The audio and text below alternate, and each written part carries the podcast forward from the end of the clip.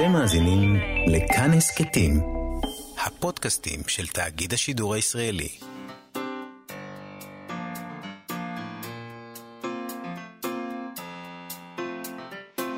מה שכרוך עם יובל אביבי ומה יעשה לה.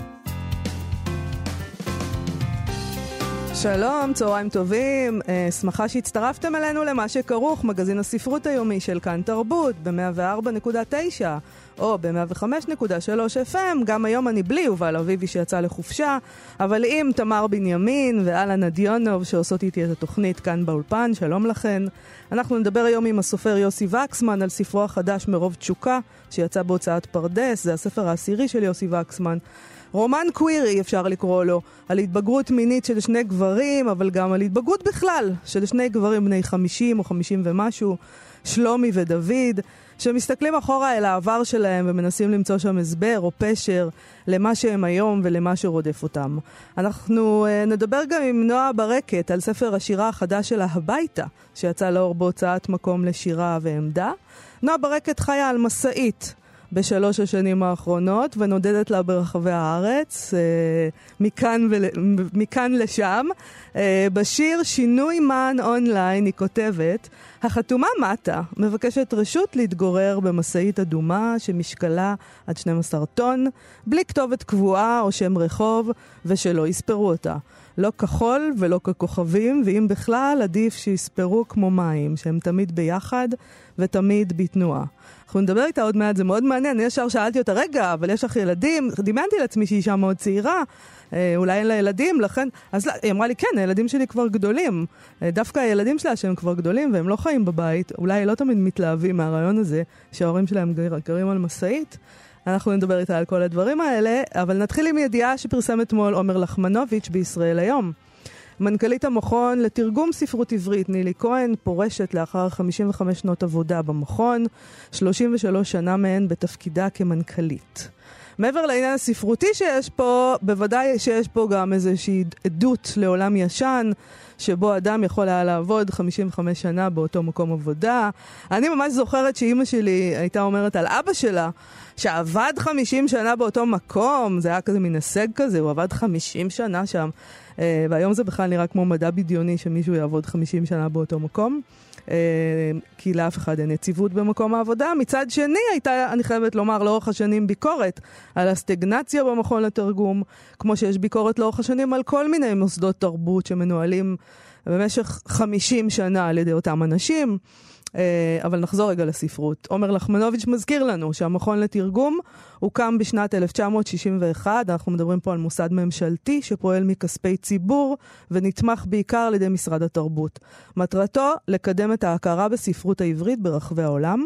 בניגוד למכונים מקבילים בחו"ל, המכון הישראלי גם משמש כסוכנות ומייצג סופרים מול הוצאות לאור. בשנים האחרונות המכון חווה קשיים כלכליים וירידה בהכנסות. עם השנים סופרים ישראלים מובילים כמו אשכול נבו ואדגר קרת עזבו את המכון הזה ועברו להיות מיוצגים על ידי סוכנים אחרים, הוא באמת uh, איבד מזוהרו ממעמדו.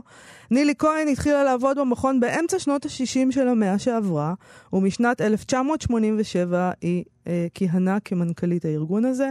חברי הוועד המנהל של המכון לתרגום, מיכה ינון, מירון איזקסון, ניצה בן דוב, צביה ולדן ומרים שומרת, כתבו במכתב ליוצרים, היוצרים שהמכון מייצג, אה, שנילי כהן הייתה העמוד התיכון של הבית ושימשה כתובת אמינה לסופרים ומשוררים שהמכון ייצג את יצירותיהם. מי שתחליף את uh, נילי כהן בתפקיד היא סיגלית גלפנד, שבעבר ייסדה וניהלה את עמותת הכוריאוגרפים, וייסדה וניהלה חברה לייזום פרויקטים תרבותיים. אני מניחה שהיא עברה מכרז, זה הרי מקום uh, ממשלתי, uh, אבל אנחנו לא ידענו על הקיום של המכרז הזה. במכתב שצירפה נילי כהן עצמה להודעת חברי הוועד, היא כתבה כך: לאורך השנים רכש לו המכון מקום של כבוד בקהיליית המו"לות העולמית. שיטות העבודה שלו הפכו למודל חיקוי, והספרות העברית הפכה לשגרירת פניה הטובים של ישראל בעולם. אכן, אה, מילים מאוד מאוד יפות, אני לא יודעת עד כמה זה באמת... אה, אני לא יודעת אם אני הייתי אומרת שהספרות העברית הפכה לשגרירת פניה הטובים של ישראל בעולם. קצת מופרץ. עוד היא כותבת שהמכון ואתם, זאת אומרת אתם הסופרים, יקרים מאוד לליבי, לליבה, ואעשה כל מה שביכולתי להבטיח המשכיות ותפקוד רגיל בתקופת המעבר. בהצלחה לכל הצדדים עם הדבר הזה.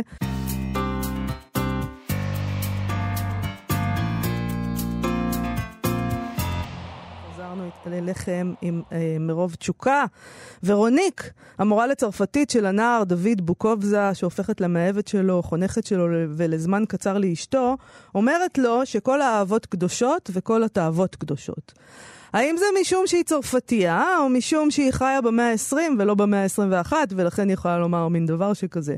בספרו החדש, מרוב תשוקה, הסופר והאומן יוסי וקסמן מספר את סיפורם של שני גברים, דוד בוקובזה, גבר דומיני, גרוש, בן 50, אבא לשני ילדים, ושלומי, הומו בזוגיות, אותו הוא פוגש, גם הוא באזור ה-50, אותו הוא פוגש במה שאמור להיות מפגשי סקס חפוזים, והופך למסע משותף לעבר העבר ויסודות התשוקה שלהם. יוסי וקסמן כהרגלו בורח מתקינות פוליטית, או שאולי הוא אפילו לא צריך לברוח ממנה, כי היא פשוט אף פעם לא הצליחה לשים עליו את היד שלו. את היד שלה, כמובן. אה, שלום ליוסי וקסמן. שלום, מאיה. אה, תגיד, שני הגיבורים שלך, דוד ושלומי, אה, שהם בסביבות גיל ה-50, 50 פלוס, הם לא, הם לא מאושרים, וזה באמת גיל מאוד מאוד קשה, אני רוצה להעיד. מה, מה הם מחפשים בעצם? כי אנחנו מדברים פה על ספר שיש בו, הוא קצת ספר מסע באיזשהו מובן.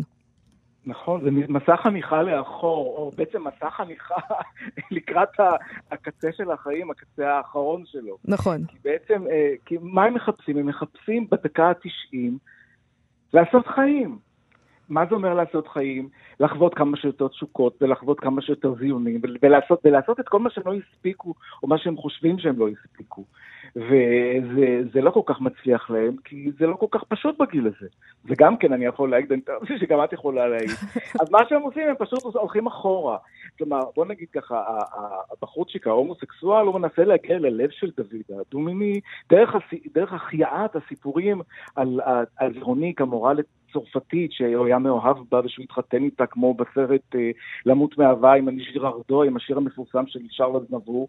וכדי, לה, הוא מחיה את זה כדי כאילו להתקרב קצת ללב שלו, אולי כאילו להיות הוורוניקה החליפית שלו. זה כמובן לא, לא הולך לו, כי הוא לא יכול להיות ורוניק. מי יכול להיות ורוניק? ורוניק זה האישה הצרפתייה, פאם פטאל, שדומה לג'ולט גרקו, שיש לה שדיים נהדרות, והיא לובשת פנינים, ויש לה חוט תמיד את השמלה השחורה הקטנה והקוקטית. מי יכול להחליף את זה? האישה מהחלומות, אה. זה לא אישה, לא אישה אמיתית שקיימת. אה, ברור, כן. זה מסע שהוא בעצם שיר של הפעם. כי גם כשהוא נזכר בוורונית, הוא תמיד מנסה להזכיר לעצמו שהזכירו לו את ג'וליאט גרקוב, היא הייתה בעצם סוסה, פרה, והוא מנסה בעצם, כלומר, הם מנסים להחיות איזושהי ורוניק שהיא איננה. הם מנסים להחיות אותה כל כך, עד שהם אפילו שניהם נוסעים לפריז לחפש אחריה. ואני לא אעשה ספוילר, וכמובן הם, הם מוצאים אותה בסופו של דבר, אני לא אגיד לך אם מוצאים אותה מתחת לאדמה או מעל האדמה, אבל זה ממש לא משנה. כן, לא נגיד, אבל אה, כן, אני רוצה אבל לשאול, בעצם... אבל למה בחרת, אה, למה בחרת בעצם לתאר אה, דמות של גבר דו-מיני? אה, ש... ש... רוצה גם, רוצה גברים בעצם, אבל כל החיים שלו מתגעגע לאישה הזאת, לורוניק. שאגב, חנכה אותו מינית כנער, היום היו פשוט מכניסים אותה לכלא, אולי לא בצרפת, אבל... אה, מקומות אחרים. בארץ היו מכניסים אותה לכלא שלשום, זה ברור. כן. אה, כן, ובדרך אגב, בתקופה שזה כאילו קרה, בשנות ה-80, גם היו מכניסים אותה לכלא. התקופה הייתה מאוד קשה, אז היו מאוד... היום אני, אני לא יודע להגיד, את יודעת, צרפת היא ארץ שמרנית מאוד, למרות שכאילו היא מכילה. אבל עוד פעם, מה אני רציתי... למה, למה דרך... למה דומיני? למה? בוא נתחיל בזה. כן. אה, דומיני, בוא נגיד ככה, כי הדומיניות היא המקום שבו העולמות נפגשים. עכשיו, הם לא רק נפגשים, הם גם מתפוצצים.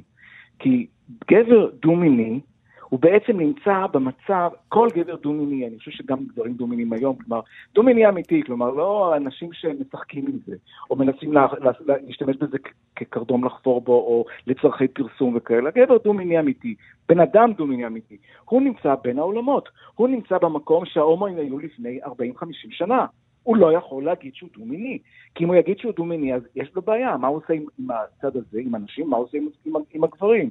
כלומר, במקום, אני, כי בספר הזה איכשהו ניסיתי לכתוב כאילו על, על, על, על, על uh, תשוקה שהיא לא, שהיא לא דרך מגדר. לנסות לבודד את הקטע המגדרי ולכתוב על תשוקה ועל גוף וגם על נפש כמובן, שלא דרך המגדר. כלומר, שלא כאילו אנחנו מתאהבים במישהו בגלל שהוא אה, אה, בגלל שזה ככה מהטבע. כן. אלא בגלל שזה לא ככה מהטבע, בגלל שזה... כלומר, אני מנסה גם ללכת נגד הטבע, לבדוק את ההליכה שלי נגד הטבע. ואני שואל שאלות על זה, גם זה שאלות שכל הזמן, אנחנו בתור, בכלל בתור מיעוט הומוסקסואלי, אתה שואל את השאלות האלה כל הזמן. זה לא יעזור, גם אם אתה לגמרי שלם עם זה, אתה שואל את השאלות האלה כי כי השאלות האלה לא רק שהן חלק מחייך, הן כל הזמן חוזרות בכל, המהלך, בכל, הח, בכל, בכל החלקים של החיים שלך. גם אם אתה הומו, ואתה הומו לא, לא דו-מיני. לגמרי, ו... לגמרי, זה תמיד חוזר, כי זה תמיד חוזר, פתאום אתה מגיע ל, ל, ל, למקום שהוא קצת יותר נכשל, קלאק, אתה מקבל את זה לפרצוף. כן. זה לא יעזור. כלומר, זה לא משהו שאני יכול להגיד, זהו, העולם השתנה, הכל נפלא, מה פתאום, שום דבר לא השתנה. אז בוא נדבר לא באמת על העניין הזה. עכשיו הייתה סדרה כזאת של גל אוחובסקי על המהפכה, ויש מהפכה, תקשיב, אני שומעת על סיפורים על אה, איך זה היה להיות הומו בשנות ה-50, ה-60, ה-70 פה. זה זוועה. זה, זה שונה היום, אבל uh, כנראה לא שונה בצורה כזאת שהיום אתה פשוט יכול להיות חופשי לגמרי. בוא נגיד ככה, מהפכה מבחינה תודעתית היא מופלאה. Okay. אוקיי. כלומר, באמת, אה, הסרט הזה של גל אוחובסקי מהבחינה הזאת אומר דבר נכון, אומר אמת.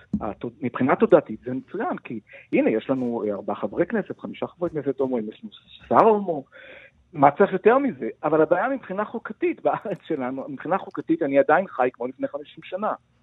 אני לא יכול להיות uh, נשוי לגבר, אני לא יכול uh, uh, uh, uh, uh, להיות uh, uh, כמו, uh, כלומר, אני לא יכול לחיות בזוגיות, אני לא יכול להביא ילדים עם פונדקאות, באופן פונדקאי, כאילו דרך המדינה, דרך רשויות הרווחה, כן. אני לא יכול לאמץ ילד, כלומר, אני לא יכול. מבחינת החוק, נשארנו בחוק המנדטורי, כמעט המנדטורי, למעט שזה, שזה בסדר, שזה כבר לא פלילי. אנחנו לא עברנו את השלב ההוא של שולמית אלוני, לא עברנו. זה קצת עצוב, אבל uh, אני גם מבין את זה, כי אנחנו ארץ uh, מסורתית, אנחנו עם מסורתי, אנחנו יכולים להגיד עד מחר, לצעוק, אנחנו לא, אנחנו תל אביב, אנחנו, לא, אנחנו לונדון, אנחנו אמסטרדם, אנחנו לא אמסטרדם, ואנחנו לא דרום אפריקה אפילו, ואנחנו לא. אבל עשינו צעדים משמעותיים, אנחנו עשינו צעדים משמעותיים, יכול להיות שאתה יודע, עוד כמה שנים יצעדו עוד צעדים. זה השאלה, זה השאלה, כי השאלה היא מתי, כלומר, כי מה שקורה זה ש... לצערי הרב, הרוב העם הוא מסורתי ודתי. אז כלומר, אם רוב העם הוא מסורתי ודתי, והמסורתיים הם אלה שנותנים את היד לדתיים, כלומר, הם לא, הם, הם ממשיכים להתחתן דרך הרבנות. כל עוד ימשיכו להתחתן דרך הרבנות. אז זה לא יהיה, כי תמיד יוכלו לסחוט אותה, את הממשלה. יוכלו לסחוט את, ה, את, ה, את, ה, את השרים ואת החברי כנסת ואת מי שנמצא שם בפרלמנט. אז למה שזה יהיה? אבל בוא נגיד ככה, למרות, החיים הפתיעו אותי, אז אולי אני אופתע, למרות שאני בקטע הזה פסימי, מה, אני כבר בספר הזה, אני מנסה בדקה ה-90 לחגוג. אז יאללה, תעזבי אותם בצד את כל הכנסת. אז בוא נדבר על תשוקה. בוא נדבר על תשוקה רגע. לא נמאס מתשוקה? זאת אומרת, איזה רגע שאתה אומר, יש איזה שיר כזה של צ'סלב מילוש, שמדבר על הדבר הזה של מתי כבר הגיע הרגע הזה. שדי, כאילו, שאתה כבר, לא יהיה לך ליבידו, זה, הוא מדבר על זה בכמיהה כמעט. נמאס מזה. נכון, כי הליבידו מכניס אותנו תמיד לתוך המקומות הכי, הכי סוכנים, הכי חורבנים, הכי אה, אה, אה, אה, אה, מתסכלים. אבל אני חושב שבלי ליבידו מה אנחנו שווים? בוא נגיד, בספר הקודם על אסתר, אני כתבתי אצלה שהיא מחפשת את התשוקה בדקה ה-99.9. והיא ב-99 בערך, כן. ובספר הזה אני מחפש את התשוקה בדקה ה-89.9.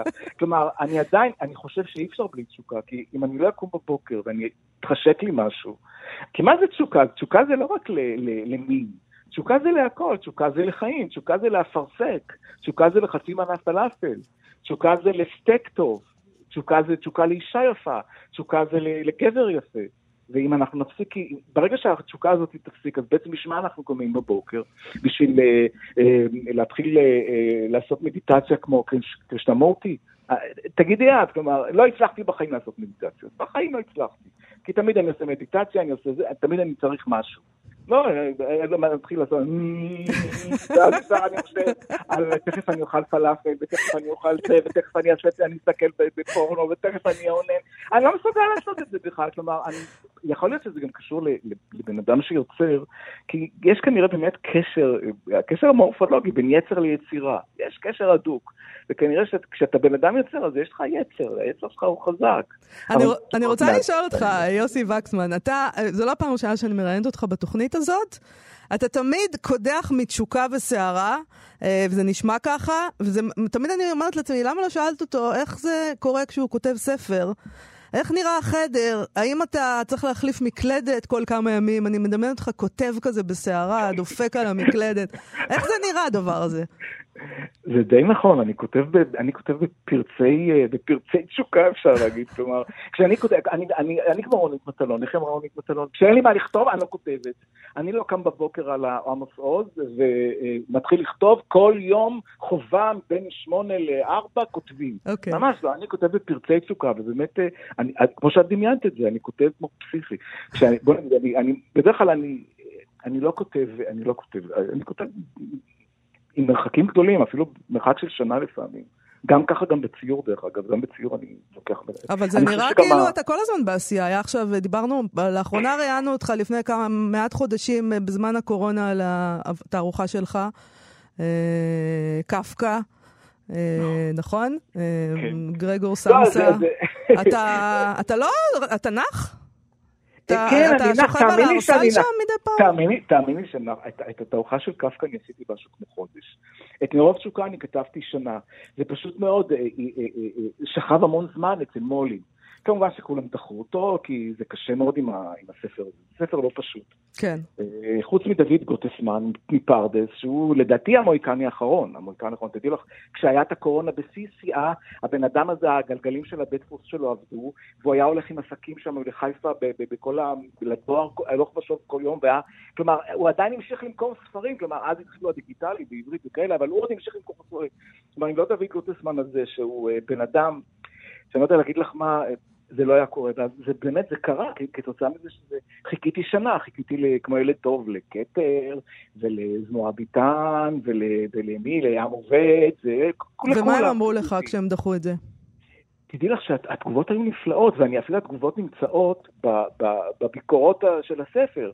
כי עודד וולקשטיין מכתר אמר שזה משתגע מהספר, אבל, אבל חייב, חייב, חייב להיות בהוצאה, חייב להיות קונצנזוס, כלומר, הם לא מוצאים בכתר ספרים אם אין קונצנזוס. אז לצערו הרב הוא לתת לי שלילי. אותו דבר נועה מנה, אני השתגעה מהספר, אמרה שהיא לא, שהיא כתבה דברים ממש נפלאים, אני לא יודע להגיד מה שכתבו עליי, אבל, אבל היא גם, היא בסופו סופו של דבר לא היה קונצנזוס. מבינה? עם עובד, אה, אני זוכר, אני לא אגיד לך מי, כתבה לי, אז היא אמרה לי, אתה, תמיד פורץ דרך, אבל, אבל אני לא בטוחה שאנחנו... אבל לא אצלנו. כן, כן, אז אני, אז, אז, אז מצאתי עכשיו, יש לי עכשיו את, את, את, את החתן הכי, הכי מדהים בעולם, כלומר, תשמעי, זה מו"ל, את יודעת, אני חייב להגיד את זה, כי זה ספר הספרים, זה המו"ל הראשון, מו"ל, המו"ל עצמו, כלומר, המוציא לאור, הוא כן. בעצם בעל החברה, הוא הבעלים, הוא זה ש... שייסד אותה, הוא... הוא בן אדם, הוא קורא ספר ספר, הוא התקשר אליי לרכבת ביום שני, אני לא אשכח את זה בחיים. אבל תשמע את זה, אני כל כך אהבתי את הספר, אני רוצה להוציא אותו. ביום חמישי כבר היה חוזה. אמרתי לעצמי, למה חיכיתי כמו אידיוט? יכולתי להיכנס לספיר של לפני שנה. או לפחות להיות בתור לספיר, אני מקווה שהפעם אני אכנס, אולי, אני הפעם אני אומר, אולי בגלל שהיה כל כך הרבה קורונה ולהיות ספרים, אז אולי יש לי סיכוי. אה, אולי בגלל שלא היו מספיק ספרים. אני רוצה לשאול אותך, אפרופו הדבר הזה, לסיום, העניין הזה של ספרות אה, קווירית, באמת אה, בארץ, אין הרבה. והנה אתה גם מסביר לנו עכשיו למה בעצם, כי הם לא רוצים להוציא את זה. למרות שהיית חושב, יש, יש לכם קהילה מאוד מאוד גדולה, לא שהספר הזה מיועד לקהילה, אבל לפחות זה, בטוח אנשים שהיו רוצים לקרוא ספרים כאלה, ועדיין בעצם הם לא רוצים להוציא כאלה ספרים. אני חושב שבמקרה שלי זה מקרה שהוא יותר קשה, כי המקרה שלי הוא, הוא מקרה קשה, אני לא כותב על הומואים, אה, אה, אה, אני לא כותב על זה, אני לא כותב נחמד. אני כותב עם הרבה מאוד אירוניה, עם הרבה מאוד ביקורת, כלומר, הכתיבה שלי גם כתיבה, אני לא, אני לא עושה הנחות, בטח שלא לעצמי, אני גם לא עושה לקוראים, ואני קיבלתי על הספר הזה המון תגובות, וזה משגע אותי, כלומר, מה המון נשים אהבו את הספר, מסתבר שנשים ממש מתחרמנות על הספר. אבל הרבה כתבו שזה באמת מיועד רק לאנשים מאוד, שיש להם, בוא נגיד ש, ש, ש, שיש להם לב חזק, שזה, כן, אבל, אבל ככה אני, אבל בוא נגיד, אני, אני לא יודע להגיד. אז אתה אומר לא לי, מה שאתה בעצם אומר לי זה שיכול להיות שגם בקהילה אנשים לא יאהבו את הספר הזה. זה מה שאתה אה, בעצם אתה אומר. כן, כי אני נופל תמיד בין הכיסאות, כי אני תמיד, אני, אני תמיד מנסר לעצמי את אחת מהרגליים של הכיסא. כי גם בספר הזה, הגיבורה, הגיבורה הפנטסטית היא זירוניק. יש שם אהבת אישה, ויש שם כן. המון... מים עם אישה, יש המון אהבה לאישה, תשוקה לאישה, כלומר, זה מה שאני גם ניסיתי, ניסיתי, את, את, אני בעצמי ניסיתי, ניסיתי כן להגיע אל הכוס. כלומר, בתור גבר, לא בתור הכוס. וזה היה נורא חשוב לי, זה היה נורא חשוב לי, ובאמת אני לא בטוח שהספר הזה, אני חושב שבכלל הוא לא ספר שמתאים רק לכאלה או רק לכאלה, הוא מתאים לבאמת מי שיש לו תשוקה, מי שיש לו אהבה, ומי שיש לו איזה פנטזיה על אהבה, או, או שיש לו איזה זיכרון מה, מהנעורים שלו על אהבה. זה הספר, הספר מנסה להחיות את התשוקה ואת האהבה. ומה אנחנו שווים בלי זה? תגידי לי, מה אנחנו שווים? מה היה? יוסי וקסמן, מרוב תשוקה, הוצאת פרדס, תודה רבה לך על השיחה הזאת. תודה, ממילי. להתראות. ביי, יום טוב. יום טוב.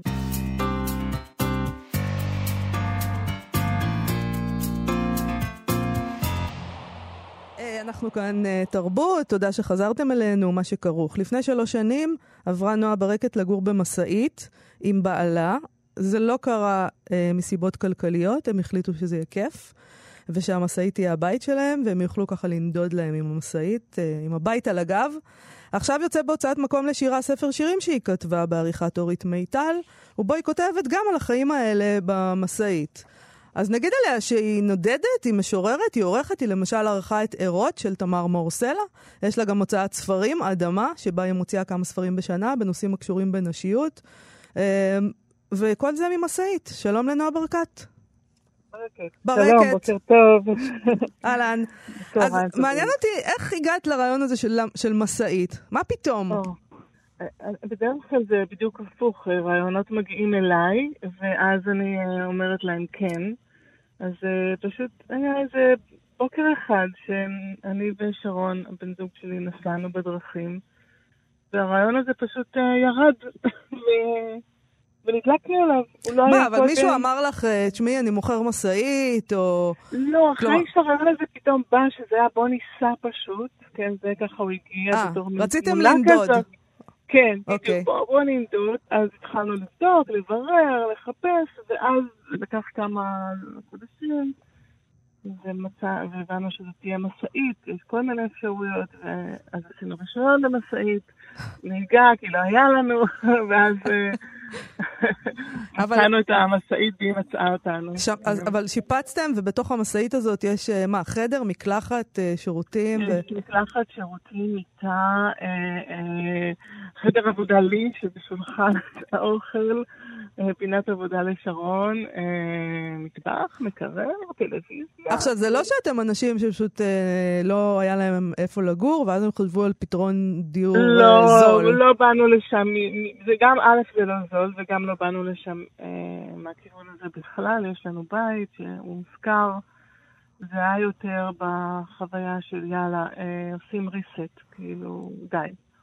יוצאים רגע להציץ מה קורה מחוץ ל... לבית. אז בואי אה, נעשה רגע, נעצור, אה, תקראי איזה שיר אחד מתוך הספר, אה, אוקיי. ונדבר על... אולי הוא יסביר משהו. כן, אוקיי. אז אני רק אגיד שכל שיר נקרא על שם מקום שהיינו בו, והשיר הזה הוא נקרא מדרשת בן גוריון. אוקיי. לקחנו את הנפש והלכנו. את הרכוש חילקנו. לילדים, לשכנים, לחברים. תמיד יש כאלו שזקוקים לעוד. אבל הנפש מפגינה תסמיני גמילה. בבוקר רועדת מחוסר בכורסה. בצהריים מחפשת חדרים נוספים. בערב כמהה לאמבט. לפחות לטוש עם ראש רחב. אנחנו אומרים לנפש, בואי, יש לנו כל מה שאנחנו צריכים. את מחוז חפצנו. מה, מה את יודעת היום שלא ידעת לפני שלוש שנים כשגרת בבית רגיל? מה למדת? וואו, למדתי אה, קודם כל להתמודד בקלילות שלא הייתה לי אף פעם בחיים עם חוסר ודאות, עם שינויים בתוכניות. אה, למדתי, שיערתי את זה קודם, אבל זה באמת, זה בית ספר מדהים שיש רשת שלאורכה אנשים נעים, ואת תפגשי בדיוק את מי שאת אמורה לפגוש בזמן ובמקום. זה, ידעתי, זה היה לי השערה על זה, אבל זה פשוט הדהים אותי. איך מחליטים לעבור ממקום למקום? עברנו מלא. אה, את מי נפגוש? הצירופי מקרים שקורים בדרכים. למדתי לסמוך, ש... למדתי לסמוך על החיים. זאת אומרת, אה. מה שאת בעצם אומרת לי זה שאם אני לא יוצאת מהבית, אלא רק כדי ללכת לעבודה, אז אני בעצם לא פוגשת את מי שאני אמורה לפגוש. אני לא יודעת לגבייך, אני באמת לא יודעת לגבייך. אני, אני הרגשתי ש... אה, אני מרגישה עדיין שהתנועה אה, והיציאה מאזורים אה, מוכרים ומאזורי נוחות, ולא בכוח, רק בנעים, כן? לא באיזה... היא מפגישה עם, עם דברים שלא הכרתי וש... וש, וש, ושכל פעם נתנו לי איזה משהו בדרך, איזה מתנה בדרך. לא הכל היה חיובי, כן? היו כל מיני רגעים, אבל בגדול זה בית ספר, ממש. אה, אני, אני גם, אני חושבת, הגעתי מוכנה לקורונה, ממש עשיתי הכנה טובה לתקופה הזאת. רגע, את נגיד בבידוד של הקורונה, יכולת בעצם לשים את ה... יכולתם לשים את המשאית שלכם במקום, באיזה שדה נהדר מרהיב ולהתבודד לכם ביחד. אז בסגר הראשון אה, זה היה יותר מסובך, אה, מכל מיני סיבות ש, כן, שממש לא רצו שאנשים יסתובבו. אז אנחנו שילבנו בין אה, מקום מסוים שאנחנו מאוד אוהבים להיות בו, בכליל, לבין הבית הפיזי שלנו בהרדוף, שבדיוק חז... אה, גמרו, גמרנו להשכיר אותו וחזרנו אה, קצת לסדר ולשפץ אותו ולראות איך אנחנו מרגישים בבית, ושם בילינו חלק מהזמן. ואיך הרגשתם בבית פתאום? אה, היה ממש מוזר, ממש מוזר, ובעיקר היה המון מרחב, אוויר, מקום, הבית הדהד, וחברות שלי אמרו לי, אז תקני ספה ושטיח ודברים, תמלאי, ולא יהיה הדהד. אמרתי, מה? עכשיו אני צריכה לקנות דברים בשביל הבית? אני לא צריכה את זה. אבל אין לך צורך ב... יש כאן דבר נורא נורא מעניין, כי בעצם mm. לך, אני מדמיינת לעצמי, יש הרבה יותר מרחבים מלי, כי את גם נוסעת וגם יכולה לעצור את המשאית שלך בכליל, ויש לך את המרחב הזה. Mm. אני חיה בעיר. ומצד שני, נגיד, בתוך הבית עצמו, המשאית זה חלל מאוד מאוד קטן. כן. שאתם אחד בתוך השני, ואין לך חלל. נכון. אה, אני, אני, אני הבנתי שאני לא צריכה את זה כבר יותר מבחוץ, גם לא אה, חפצים או בגדים יותר מדי. יש לי את השמאלות המגניבות שלי, שאני, את השתיים שלוש שאני לובשת. אני לא צריכה הרבה. הבנתי שבגיל הזה שלי, אני בת 58 אה, עוד רגע, יש, הגעתי, ל... לא, וגם אני לא מתחייבת על זה, יכול להיות שזה יעבור, כן? אבל השחרור מהחפצים, ומספייס אה, פיזי הוא ממש אה, משחרר בי משהו. הוא מרגיע אותי. לא, לא תיארתי את זה לעצמי קודם, ככה. תגידי, את פוגשת לא. הרבה אנשים כמוני שנורא נורא מתפלאים על הבחירה הזאת? זאת אומרת, כל הזמן כן. בטח מבלבלים לך את המוח? כן, עם וגם השאלות... עם, אה, עם ביקורת, וגם 아. עם קושי, וגם עם... אה, תלוי בקרבתם אליי. נגיד הילדים שלך, הם אה, כאילו... מה הם חושבים?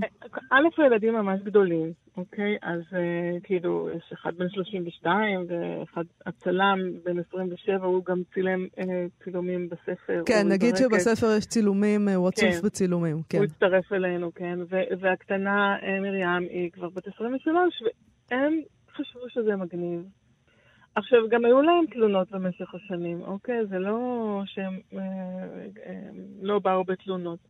היו להם, אה, את יודעת, איפה בית, ואיך ניפגש, ולבוא אלינו, והיא חולה, והוא זה, ו... כן, ומה עם ארוחת החג? כן, איפה את עושה את הסדר? יום שישי, אנחנו היינו משפחה, היינו משפחה שהיינו נפגשים כל יום שישי לארוחת ערב, פחות או יותר באותו תפריט. ואת בעטת בזה. אמרתי, די, רגע, בואו נתרגל אה, ונעשה חוזה חדש בינינו. אה, אתם מבוגרים, אנחנו מבוגרים, אה, בואו נעשה חוזה חדש ונבדוק את הכל אה, שוב פעם. ו- ו- באהבה ועם המון קשר. אנחנו מאוד מאוד מאוד קשורים ומחוברים, ואם היו בעיות, אנחנו פתרנו אותן נקודתית, יצאנו לחופשה ביחד, לחופשות ביחד. כולם בירושלים, עלינו לירושלים, אה, מצאנו איזה מגרש, היינו פה. זה כאילו, בעיה, אגב, אני מניחה בארץ, אנחנו לא בארצות הברית פה, שאת יכולה לנסוע לך ולעצור. אין, אין פה איפה, אין מקום. איך את מתכננת מראש איפה, נגיד שבא לך לקפוץ לתל אביב, איפה תשימי את המשאית, או שלא בא לך פשוט לבוא לפה? לא, אה, אה, זה יוצא מדי פעם, וזה, תראי, היתרון הגדול שזה לא רשמי, כן, שזה לא מוסדר, זה שכל עוד זה לא מוסדר, מותר לי לחנות בכל מקום שמותר למשאית לחנות, אוקיי? אה, יותר ויותר יש מקומות שסוגרים אה, בפנינו את, ה, את, ה, את, ה, את השערים, או תולים שלטים, או מפריעים, אבל אנחנו, מכיוון שאנחנו לפחות אה, חיים בסטייל כזה שאנחנו לא נשארים הרבה זמן במקום אחד, זה לא יצא שזה הפריע. אם זה הפריע וביקשו, הלכנו. ו- אוקיי. והם מוצאים, תמיד יש שוליים, יש תמיד לכל מקום קצת שוליים, ואם מתאמצים, אז אה, זה מוצאים. באיזה רגע אתם מחליטים שאתם אה, קמים והולכים ממקום? מה, מה זה הרגע הזה? אה, לא יודעת לה, להסביר, יש איזה רגע. אה, או שהדבר הבא מהעתיד קורה וצריך לנסוע למקום אחר, אה, או שנמאס, או ש... לא יודעת, מרגישים את זה. ניסחתי איזה חוק שנקרא חוק שלושת הימים, הבדואים ניסחו אותו לפניי, אבל אני גיליתי אותו, שאחרי שלושה ימים אה, בטריטוריה של מישהו אחר, אנשים אה, אה, מתחילים לשאול שאלות ואולי זה מפריע להם. עד שלושה ימים, פחות או יותר, ברוב המקומות זה בסדר. זה, יש משפט כזה, דגים ואורחים מסריחים אחרי שלושה כן, ימים. אני חושבת שזה, כן, יש לזה בטח איזה הסבר ב-whatever, כן. משהו, אבל כן, כן. אז מה, את, אה, את בעצם אה, יושבת שם, ואני רוצה לדבר על הספר הזה. אוקיי, בעצם כן. התחלת- את כותבת שירה בתוך הדבר הזה? כאילו, זה מה אז ש... קודם כל, אני, אני, אני בן אדם כותב, יש לי בלוג שנקרא נועה תנוע, והוא הוא, אה, יצא פעם בשבוע, הוא יוצא, עכשיו קצת פחות, אבל פעם בשבוע ל, ל, לקהל אה, 30 קוראי, מה שנקרא. ו, אה, ובגלל שאני כותבת, ואני כל יום כותבת, אז אה, לאט לאט הבנתי שחלק ממה שאני כותבת הם שירים. אני הוצאתי אה, לפני שלוש או ארבע שנים, לא זוכרת פתאום, את הספר שירה הראשון שלי, גם במקום לשירה, נועה שקרג'י ערכה, והוא נקרא שומרת לילה. והוא היה מאוד מאוד שונה, וחשבתי שאני כבר לא אכתוב יותר, כמו שכרגע אני קצת מרגישה. ואז התחלתי, אחרי שנתיים, התחלתי לראות שיש יותר ויותר קטעים, סיפורים שיריים, משהו שמזכיר שירה, והאמת שאורית מיטל אה, עזרה לי ממש ממש להבין שכן, כי עד שהיא לא זיהתה שזה באמת שירה, היה לי ממש קשה להגיד זה שירה. אוקיי. אה, וזה שירים שהם או מפגשים עם מקומות, או אנשים שאני פוגשת, הם נורא לא ביוגרפיים אישיים, או יחסים בינינו, או שאלות שאנשים שואלים אותנו והופכים להיות שירה, או אמירות, או נופים, או גם אה, בעיות פנימיות. אה, אה, זה באמת, זה מין ספר מסע, הוא בעצם מתאר תשע עונות אה, שאנחנו מסתובבים פחות או יותר אה, פעמיים וחצי מדרום לצפון. וזה המסלול נדידה שלנו היה בשנתיים הראשונות. כאילו, יורדים דרומה בחורף, אה, עולים באביב, וזזים בין לבין באמצע. תשמעי, זה נשמע לי גם חלומי וגם סיוט. אני, זה שילוב של שניהם, בשבילי כמובן, בשבילך אני מקווה שזה לא סיוט. זה נשמע לי מין, באמת, משאת נפש מצד אחד, מצד שני, איזה מין, להיות אה, 24 שעות עם הבן זוג שלך אה, באותו, במשך Mm. שנים. Hmm. אוקיי, הוא כנראה מאוד מוצלח. אנחנו גם היינו רגילים לזה קודם, אני חייבת להגיד, כי אנחנו עובדים מהבית כבר מקודם, ואנחנו פשוט אה, רגילים אה, לזה, ואנחנו אולי יש לנו גם מנגנוני ניתוק אה, בריאים, שהוא ב space שלו, אני ב space שלי, אנחנו נפגשים לארוחות. בעבודה שלי הולכים לשנות, בעבודה שלו לא. כאילו, אנחנו מאוד יודעים איך לחיות ביחד. הוא באמת החבר הכי טוב שלי. ו... כן. אז בואי נשמע לסיום עוד שיר אחד אוקיי. מתוך הספר. אוקיי, אז השיר הזה הוא, הוא נכתב בחוף הסטודנטים בחיפה. אנחנו נוודים דיגיטליים, עובדים בכל מקום שיש בו קליטה. פותחים הוטספוט בנייד, מתנחלים ברשת שאיננו יכולים להניח עליה יד. פעם בחודש מתקשרים אלינו ממחלקת השיווק של הארץ, מציעים מנוי עד פתח הבית. מתפתחת שיחה על חיים פתוחים. בפרשת השבוע אלוהים מונע מהארון משבט לוי נחלה וחלק. אין זהו עונש, זהו תפקיד. יפה מאוד. נועה ברקת, תודה רבה לך על השיחה הזאת. תודה לך, וכיף. להתראות. ביי.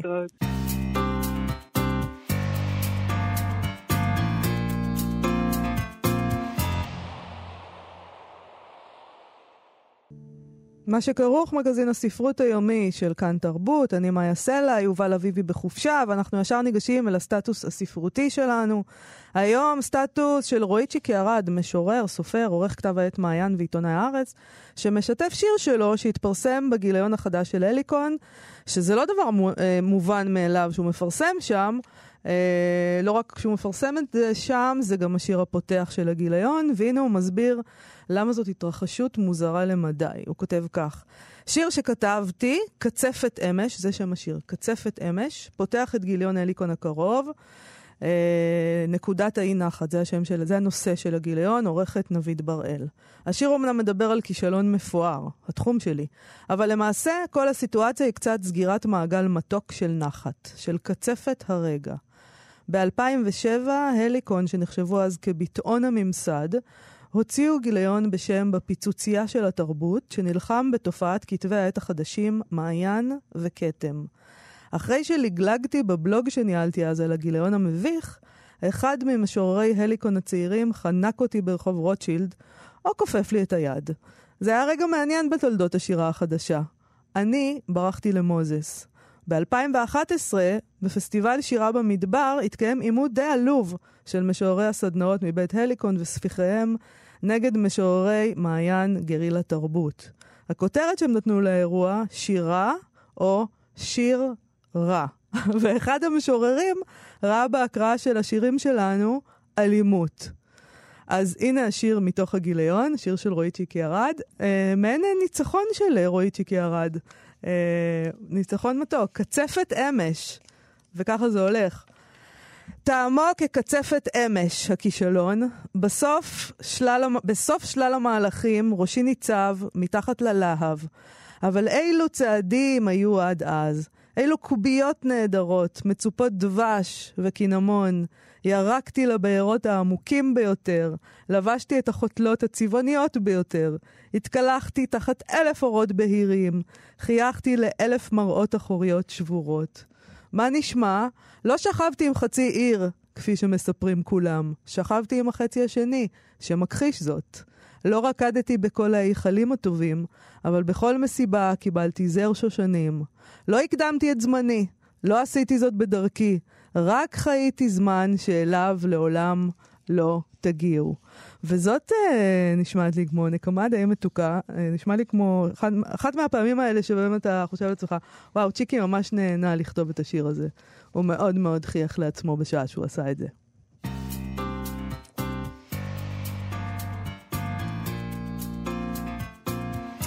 לסיום, אני רוצה uh, להזכיר את הגיליון uh, האחרון של המוסך, uh, גם, גם בגלל העניין הזה עם הספרייה הלאומית, שלא ברור מה יעלה בגורל המוסך, אז uh, התפרסמו שם, אני מציעה להיכנס, לקרוא איזה uh, מגזין שירה מאוד מעניין, uh, ספרות בכלל, התפרסמו שם שלושה שירים של המשורר הכורדי ז'אן דוסט, בתרגום רימה נעים. נקרא אחד מהם אה, מלקסיקון המלחמה, אבל קודם נספר שז'אן דוסט הוא סופר, משורר ומתרגם כורדי, יליד סוריה, שמתגורר בגרמניה. הוא נולד בעיר קובאני שבמחוז חלב בשנת 1965. הוא כותב בערבית ובכורדית, הוא פרסם עד כה חמישה רומנים וספר שירה אחד, זכה בפרסי ספרות רבים, ביניהם פרס הסיפור הקצר הכורדי ב-1993 ופרס השירה הכורדית בשנת 2012. נגיד גם שירים עניים, שהיא המתרגמת, אה, היא משוררת ומתרגמת פלסטינית, נולדה בכפר ג'לג'וליה ב-1982, יש לה תואר דוקטור בתחום תיאטרון האבסורד, והיא עובדת כעורכת במדורי ספרות, באתרי ספרות אה, ערבית שונים. והיא פרסמה עד כה שני קובצי שירה. Uh, אני מאוד מצא חן השיר הזה שהיא תרגמה, uh, הוא נקרא מלקסיקון המלחמה. וככה זה הולך. מוות, גדול ואכזרי מן החיים, מלחמה, הפוגה בין שתי תקופות שלום. נשק, שפת המשוגעים שהשפויים משלמים את מחירה. תבונה, מטבע שמאבד את ערכו בבורסת המלחמה. מולדת, פניו האמיתיות של דיכוי, מלחמות צודקות, אלה שלעולם לא יפרצו. שלום. מסכה שהמלחמה אותה על פניה בעת קבורת הגופות. Um, אני ממליצה מאוד להיכנס למוסך, יש שם עוד כמה תרגומים, אני בחרתי רק אחד, uh, ואנחנו נסיים עם הדבר הזה. נגיד תודה לאלנה נדיונו ותמר בנימין שעשו איתנו את התוכנית. אה, נזמין אתכם להיכנס לעמוד הפייסבוק שלנו, מה שכרוך עם יובל אביבי ומאיה סלע, ולעמוד הפייסבוק של כאן תרבות, כמובן. אחרינו, המעבדה עם גיל מרקוביץ', אה, עם פרופסור גל ונטורה, אה, שתמשיך מאתמול, היא התחילה כבר אתמול, תספר היום כיצד התקבלו המוזיאונים בתרבות, בחברה, איזה שיח נרקם סביבם, כיצד התפתח מוסד ביקורת האומנות. אנחנו, אני, אני אהיה פה שוב מחר. להתראות. אתם מאזינים לכאן הסכתים, הפודקאסטים של תאגיד השידור הישראלי.